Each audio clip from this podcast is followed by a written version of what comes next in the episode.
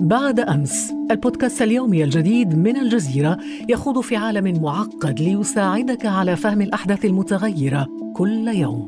دائما ممتع دائما راهن دائما هناك. لا تنتظر حتى الغد واستمع اليوم إلى بودكاست بعد أمس. معي أنا خديجة بن جنة.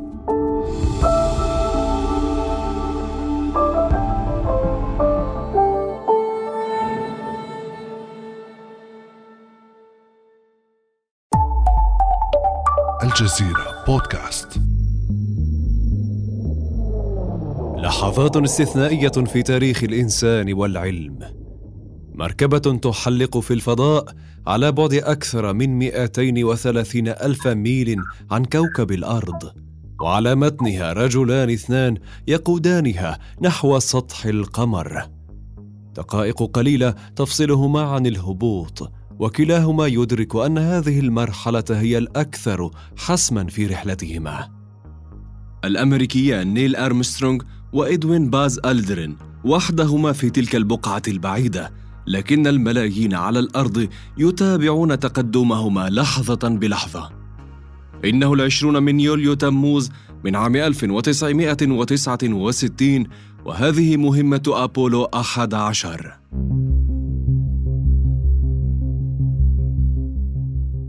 على الأرض وفي الجانب الشرقي من الولايات المتحدة الساعة تتخطى الرابعة عصرا. عبر شاشات التلفزة يشاهد أكثر من 600 مليون إنسان الهبوط التاريخي على القمر. الشاشات تبث اتصالا مباشرا بين رائدي الفضاء في مركبتهما القمرية وبين وحدة التحكم في هيوستن بولاية تكساس الأمريكية. ثوان يحبس فيها المراقبون على الأرض أنفاسهم قبل أن يتوقف محرك المركبة. وتهبط بأرجلها الأربع على بقعة مستوية من سطح القمر تسمى بحر السكون. هبوط هادئ يحققه أرمسترونغ وألدرين لكن مهمتهما لا تزال في منتصفها. ست ساعات يقضيانها داخل كبسولتهما قبل أن يستكمل العمل.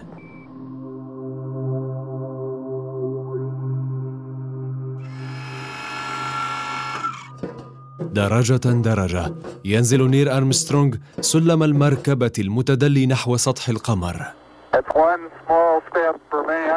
هي خطوة صغيرة لرجل واحد. ووثبة هائلة للبشرية جمعاء. هذا ما يقوله أرمسترونغ للعالم وهو يخطو أولى خطواته على سطح القمر. الكوكب الذي رافق البشر منذ الخليقة وظل بعيدا عنهم لآلاف السنين.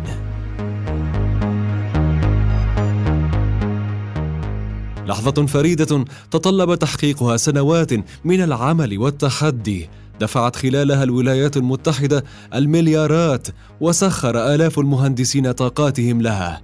لكن وراء هذا الإنجاز العلمي تنافس حثيث بين الاتحاد السوفيتي والولايات المتحدة في سباق نحو الفضاء لم يكن سوى جزء من الحرب الباردة.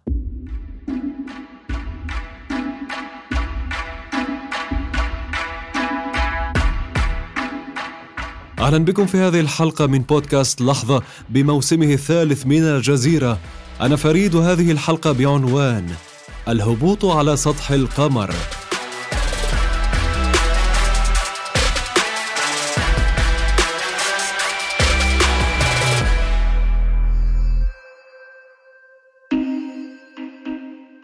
مع نهاية الحرب العالمية الثانية في منتصف الأربعينات برزت الولايات المتحدة والاتحاد السوفيتي كقوتين مركزيتين في غرب العالم وشرقه. ومنذ اللحظة التي سقطت فيها ألمانيا النازية توجهت أنظار الأمريكيين والسوفييت على حد سواء إلى التقدم الألماني في مجال الصواريخ العسكرية. المؤرخ السابق في وكالة ناسا جيمس آر هانسن وهو مختص في تاريخ العلم والتكنولوجيا يصف الوضع الذي وجد العلماء الألمان أنفسهم فيه. في الحرب العالمية الثانية كان الألمان نشيطين إلى حد كبير في تصنيع الصواريخ وتطويرها. وبينما كانت الحرب في نهايتها اتضح أن هذه الأسلحة لم تنجح في تحقيق النصر. في ذلك الوقت كان الروس قد اقتربوا من جهة الشرق من إحدى المنشآت التي استقر فيها فريق ألماني من المهندسين والعلماء. ومن الغرب وصل الأمريكيون وقوات الحلفاء إلى المنطقة ذاتها. فوجد المهندسون الألمان أنفسهم عالقين في الوسط وهم يتساءلون عن مصيرهم. بعضهم خرج بالفعل سعيا وراء الأمريكيين لأنهم أرادوا أن يكون لهم دور في عالم ما بعد الحرب. سارعت الولايات المتحدة للاستحواذ على مهندسي الصواريخ والعلماء والخبراء من فلول النازيين. ونقلتهم مع وثائقهم وعائلاتهم في عملية سرية عرفت بالمشبك الورقي. ومن بين هؤلاء العلماء برز اسم النازي السابق فيرنر فون براون والذي سيصبح لاحقا أحد أعمدة صناعة الصواريخ الأمريكية. الولايات المتحدة كذلك نقلت إلى أراضيها الصواريخ البالستية الألمانية ذات التصميم الرائد حينذاك. أثار ذلك الاستحواذ غضب السوفييت. زعيمهم جوزيف ستالين قال إن ما حدث لا يغتفر. كانت القوتان تتنافسان في التقدم العلمي والعسكري والتقني مستغلتين خبرات النازيين. واحتلت طموحات السفر نحو الفضاء مساحة واسعة من هذا التنافس خلال السنوات اللاحقة. فتقدم كل منهما في هذه المجالات يعني كسب المزيد من دول ما بعد الحرب إلى صفهما. كلا القوتين أرادتا أن تثبتا تفوقهما السياسي وأحقيتهما في قيادة العالم. استطاع السوفييت أن يبداوا سباق الفضاء بالفعل وقدموا للعالم إنجازهم الأول. قمرا صناعيا يدور حول الكرة الأرضية حدث يصفه الباحث والمتخصص في فيزياء الفلك وعلوم الفضاء حنا صبات العالم بأكمله تفاجأ. في 4 أكتوبر تشرين الأول عام 1957 بأن الاتحاد السوفيتي السابق قام بإطلاق أول قمر صناعي وكان هذا بمثابة مفاجأة كبرى للدول الغربية وعلى رأسها الولايات المتحدة. لماذا؟ لأن الولايات المتحدة كانت تخطط بالفعل لإطلاق أول قمر صناعي. هذه إشارات راديو يبعثها قمر سبوتنيك واحد في الفضاء ويسجلها هاوٍ أمريكي في ولاية تكساس بواسطة مستقبل من المخلفات العسكرية. الإشارات تسجل بعد ثلاثة أيام على إطلاق الاتحاد السوفيتي أول الأقمار الصناعية في التاريخ. يبدو من بعيد ككرة بضعف حجم كرة السلة تتصل بها أربعة أقطاب هوائية. عندما أطلق نحو الفضاء الخارجي بواسطة صاروخ سوفيتي دار حول الأرض عدة دورات وشاهده الأمريكيون بالتلسكوبات. بدأ التخوف واضحا من تفوق السوفييت وقدراتهم وكان للحدث وقع على العالم الغربي. يعني هو كان مجرد قمر يصدر أمواج راديوية يقول أنا هنا بيب بيب يعني بأصوات معينة إنه أنا موجود. أنا القضية تحدي. يعني المرة الأولى استطاع الإنسان أن يتغلب على جاذبية الأرض وأن يضع جسم في مدار مستقر حول الأرض. وما تبع ذلك من تطبيقاتها. يعني تغير آه، تاريخ العلم وتاريخ التكنولوجيا منذ ذلك التاريخ. الانتظار أكثر من ذلك لم يكن في مصلحة الأمريكيين والسباق نحو الفضاء صار أكثر تسارعا.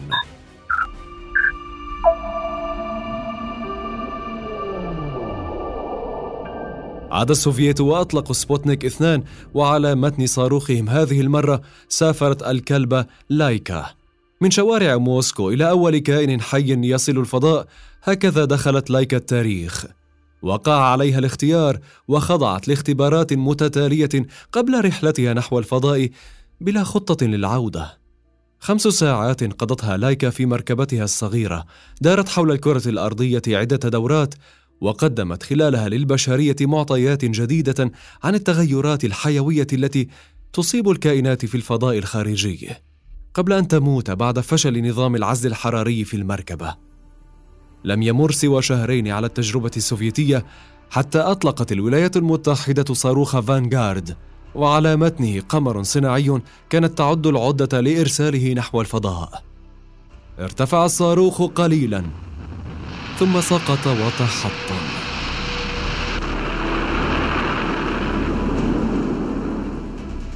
خيبة أمل جديدة للأمريكيين.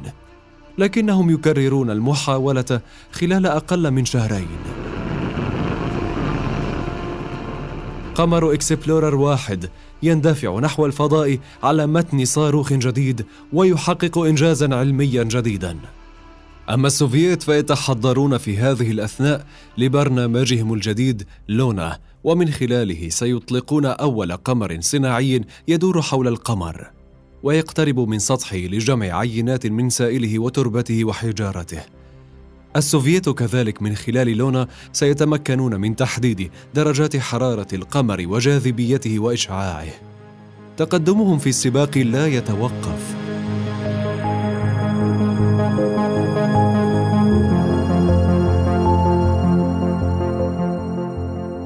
في أبريل نيسان من عام 61 يخوض الروسي يوري جاجاريان مغامرة فضائية رائدة لم يسبقه أحد في تحقيقها. صاروخ باليستي عابر للقارات يندفع حاملا جاجريان على متن مركبته الصغيرة التي سميت فوزدوك واحد. يرى أفريقيا أولا ثم الأفق فالسماء قبل أن تسلط الشمس أشعتها إلى عينيه. لأكثر من ساعة ونصف يحلق بعيدا حول مدار الأرض. ورغم أن رحلته لا تحمل غايات علمية تحتاجها البشرية إلا أنها ضرورية لتجارب بشرية لاحقة ستخترق الفضاء. بعد شهر واحد أصبح الأمريكي ألان شيبيرد ثاني إنسان يطير في الفضاء الخارجي بعد جاجارين ضمن مشروع ميرجري أول برنامج أمريكي للطيران. لم تدم رحلة شيبيرد لأكثر من 15 دقيقة و28 ثانية فقط. عاد بعدها إلى الأرض. وظل السوفييت متقدمين على الأمريكيين بأشواط. كل هذه الأرقام القياسيه انجاز التعبير الفضائية جعلت الولايات المتحدة تشعر ب يعني آه، دونية نوع من الدونية تجاه الاتحاد السوفيتي في مجال الفضاء. فأرادوا اذا أن آه، يقولوا نحن سبقناكم في شيء ما. ماذا كانت الخيار الخيارات المتاحة؟ إحدى الخيارات كانت أن يقوموا بإرسال آه، مختبر فضائي يعني يسكن البشر في الفضاء الخيار الآخر كان بأن يقوم بوضع آه، مركبة مدارية حول القمر الخيار الثالث وهو الأصعب والأعلى كلفة أن يصل إنسان إلى سطح القمر We choose to go to the moon. We choose to go to the moon. الرئيس الأمريكي جون كينيدي يلقي خطابه التاريخي في جامعة رايس بتكساس.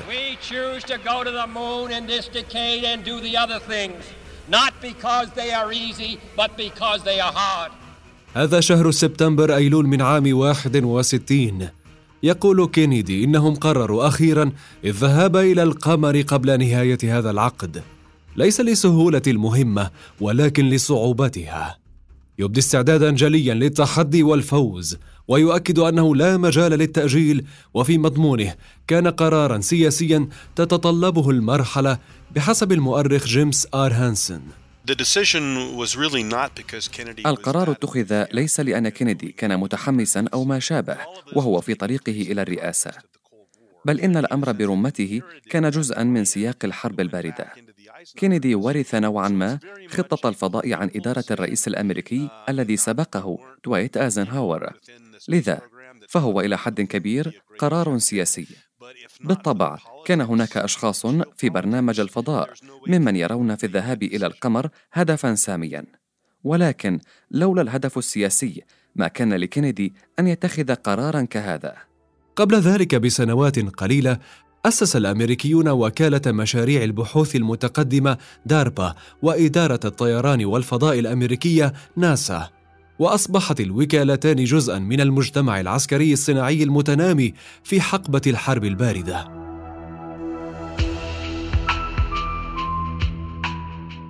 الرئيس جون كينيدي ومع فوزه في الانتخابات مطلع عام 61 اجتمع بالمسؤولين في وكالة ناسا وقرر زيادة مخصصاتها. كان يؤمن أن مشروعا كالهبوط على القمر يتحقق فقط بدعم الحكومة الأمريكية واستلامها زمام المبادرة. وأقسم على الا يرفع علم أمة معادية على القمر كما قال وإنما راية الحرية والسلام. هكذا غلف طموحه بهالة وطنية وإنسانية مستخدما الصورة الرائجة التي حاولت الولايات المتحدة تسويقها بمقابل الاتحاد السوفيتي والتقدم الشيوعي حول العالم.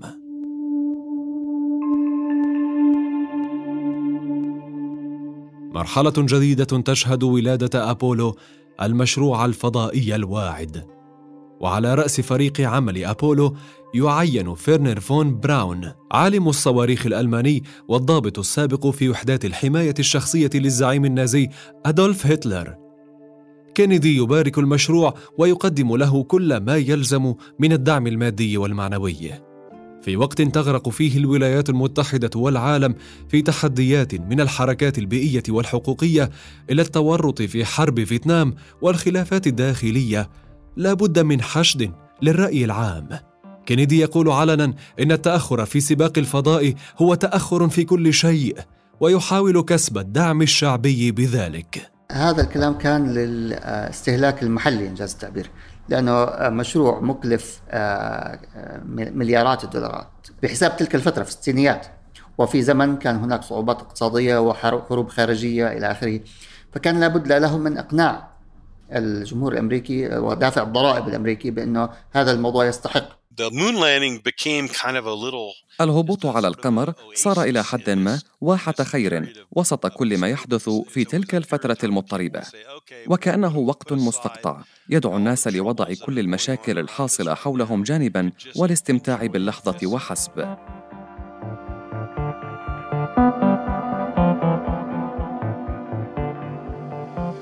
في مركز الفضاء في مدينة هيوستن الأمريكية. عمل حثيث لا يتوقف على مدار سنوات الستينات وآلاف المهندسين والفنيين يأخذون مواقعهم لتحقيق أهداف تلك المرحلة. قام مشروع أبولو على تطوير صواريخ ساترن الواحد تلو الآخر. خلال سنوات الستينات خاض الأمريكيون تجارب تقنية وحيوية عدة دارت مركباتهم حول الكرة الأرضية تمهيدا للهدف النهائي الوصول إلى القمر. لم تخلو التجارب المتتالية من كوارث وقعت خلال اختبارات الإقلاع والتدريب عليها التي خضع لها. في يناير كانون الثاني من عام 67 وقبل شهر واحد من موعد الإقلاع المقرر اندلع حريق في وحدة التحكم داخل مركبة فضائية خلال الاختبار. حادثة مأساوية خسرت فيها ناسا ثلاثة من روادها ومهمة فاشلة قررت تسميتها أبولو واحد. بعد مضي أقل من عام عليها عادت ناسا إلى مسارها. طورت الصاروخ الذي عرف بساترن خمسة ونجحت في مهمة أبولو أربعة.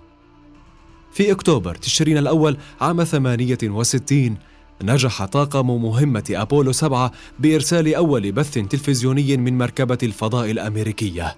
وفي مايو أيار عام 69 شكلت أبولو 10 التمهيد الأخير لأبولو 11 وكانت مهمتها اختبار جميع الإجراءات المطلوبة للهبوط على القمر باستثناء عملية الهبوط ذاتها.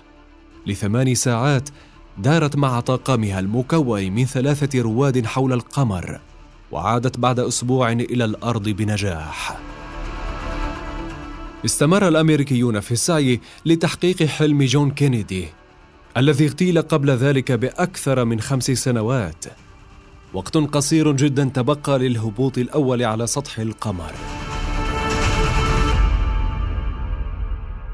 اختارت ناسا في شعار المهمة النهائي رسمة لنسر يهبط على سطح القمر وقد حمل بين مخلبيه غصن زيتون.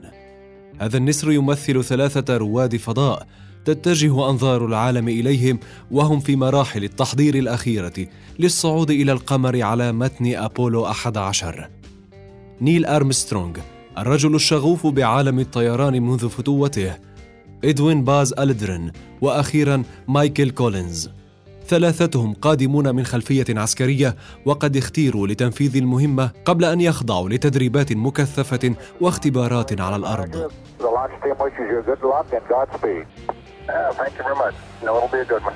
ثوان على الإقلاع. فريق التحكم يتمنى التوفيق للرواد الثلاثة. الملايين في الولايات المتحدة وحول العالم يشاهدون هذه اللحظات. في البيوت تجمعت العائلات حول شاشات التلفاز والمذياع في المقاهي والحانات وكل مكان. كنت في السابعة عشرة من عمري. بالطبع كان لدينا تلفاز ولكن دون جهاز منزلي للتسجيل على أشرطة الفيديو حسب ما أذكر. لذا الطريقة الوحيدة لتوثيق اللحظة كانت التقاط صور بالكاميرا الفورية لما نشاهده عمليا على الشاشة. وأذكر أنني التقطت عددا من الصور للحظة الإطلاق أثناء عرضها مباشرة على التلفاز. الحاضرون تجمعوا في محيط مركز كينيدي للفضاء في ولاية فلوريدا الأمريكية. استعدوا للحظة التاريخية وسلطوا نحوها كاميراتهم ومناظيرهم أقلع الصاروخ.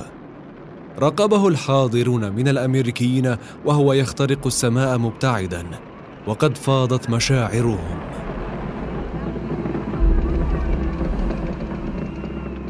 بعد ثلاث دقائق من الإقلاع انفصل الصاروخ عن جزئه السفلي.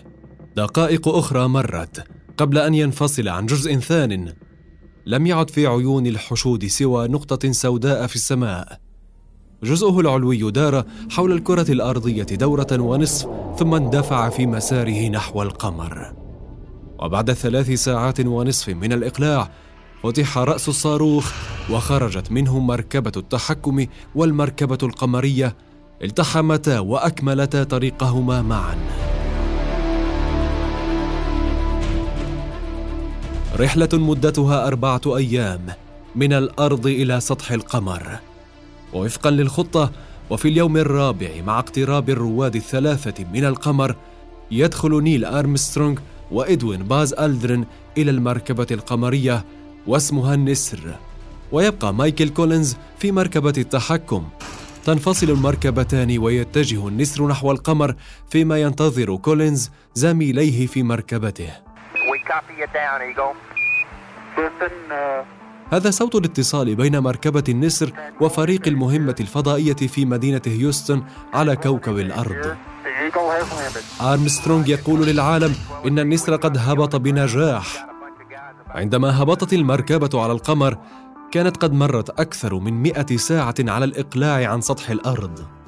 بعد أربع ساعات من الاستراحة والاستعداد، خرج أرمسترونغ من المركبة ليتسلق جانبها ويثبت كاميرا البث التلفزيوني التي ستنقل هذا الحدث التاريخي مباشرة للعالم. سلطت الكاميرا على القمر وجزء من المركبة والسلم المتدلي منها.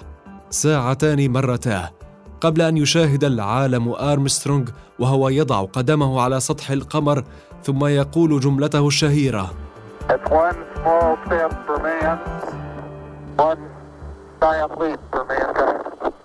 هي خطوة صغيرة لرجل واحد ووثبة هائلة للبشرية جمعاء. كان على زميله إدوين باز ألدرن أن ينتظر لدقائق قبل أن يتبعه. تلقى نيل أرمسترونغ كثيرا من النصائح حول ما عليه قوله في اللحظة التي يهبط فيها على سطح القمر. استمع إليها بأدب، لكنه قال: حسنا، أتمنى أن يكون لدي شيء عميق لأقوله لحظتها. بالمناسبة هو لم يرتب عبارته مسبقا. الفكرة كلها لم تحضر له إلا بعد أن هبطت المركبة به على سطح القمر. لأنه كما قال لي كان يرى أن لديه فرصة بنسبة 50% فقط للهبوط بسلام. مهمتهما خارج مركبتهما القمرية استمرت لأكثر من ساعتين بمجملها. كان عليهما بعدها الرجوع إليها وقد جمعا أتربة وأحجارا من القمر وأجريا تجارب على سطحه. مركبتهما كانت ستنفصل إلى جزئين. العلوي سيندفع مبتعدا ليلتحم بمركبة التحكم التي يقودها مايكل كولينز. أما جزءها السفلي فسيبقى على سطح القمر إلى الأبد. وكان خطر بقائهما عالقين هناك واردا. كان هناك على ما أعتقد ثلاثة خطابات رئاسية مختلفة. أعدها مسبقا كاتب خطابات الرئيس ريتشارد نيكسون ليلقيها في حال وقوع كارثة. وكان هناك عدة سيناريوهات لما يمكن أن يحدث. أحدهم أن المركبة القمرية قد تتحطم أثناء الهبوط ما يعني مقتل رائدي الفضاء اللذين على متنها. وحسب سيناريو آخر فقد كان محتملا أن تفشل المركبة في الإقلاع مجددا عن سطح القمر بعد انتهاء المهمة ما يعني أن رائدي الفضاء سيظلان عالقين هناك. لذا بادرت وكالة ناسا بالذهاب إلى الفريق الشخصي للرئيس نيكسون وقالت لهم إن من الجيد أن نعد خطابات تراعي هذه الاحتمالات مسبقا في حال وقوع أحدها.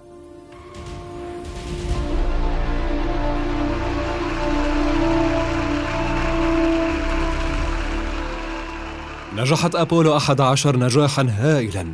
عاد الرواد الثلاثة إلى كوكب الأرض ورأى فيهم الأمريكيون أبطالا وطنيين.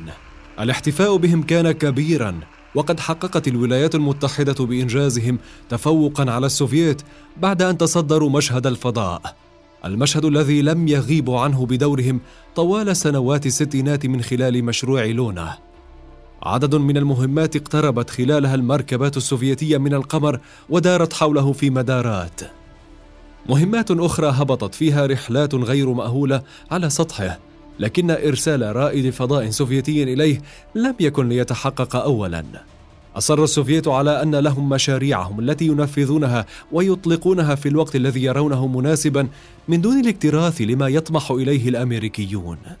بالرغم من مصطلح سبيس ريس سباق الفضاء مستعمل منذ يعني من 1957 لكن آه، في المدرسة السوفيتية في الفضاء لم تعترف أبدا أن هناك سباق. لم تقل كانوا دائما يقولون نحن لسنا في حالة سباق. نحن لدينا برنامجنا آه الذي نسير عليه. ويعني آه، عندما يلزم إن أردنا أن ننزل الإنسان على سطح القمر فسنفعل ذلك. يعني هم اعتبروا أنه هم لديهم برنامجهم. الثابت الذي لديهم أهداف محددة يريدون تحقيقها فيعني بالتالي لم يكن ذلك رد الفعل الهائل يعني.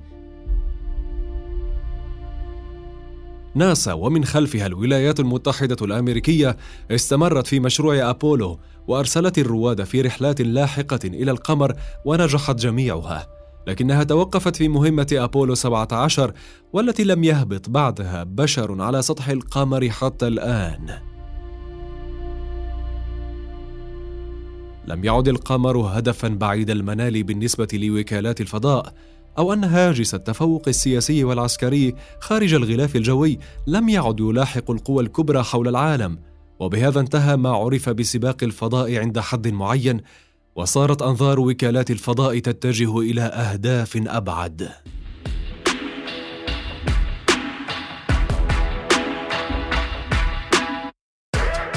في الحلقة القادمة من بودكاست لحظة سنتناول لحظات أخرى غيرت حياتنا بشكل مختلف وربما في مجال مختلف أيضا.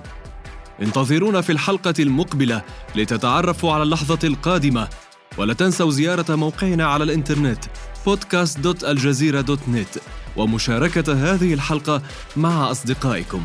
كان معكم في هذه الحلقة فريد. إلى اللقاء.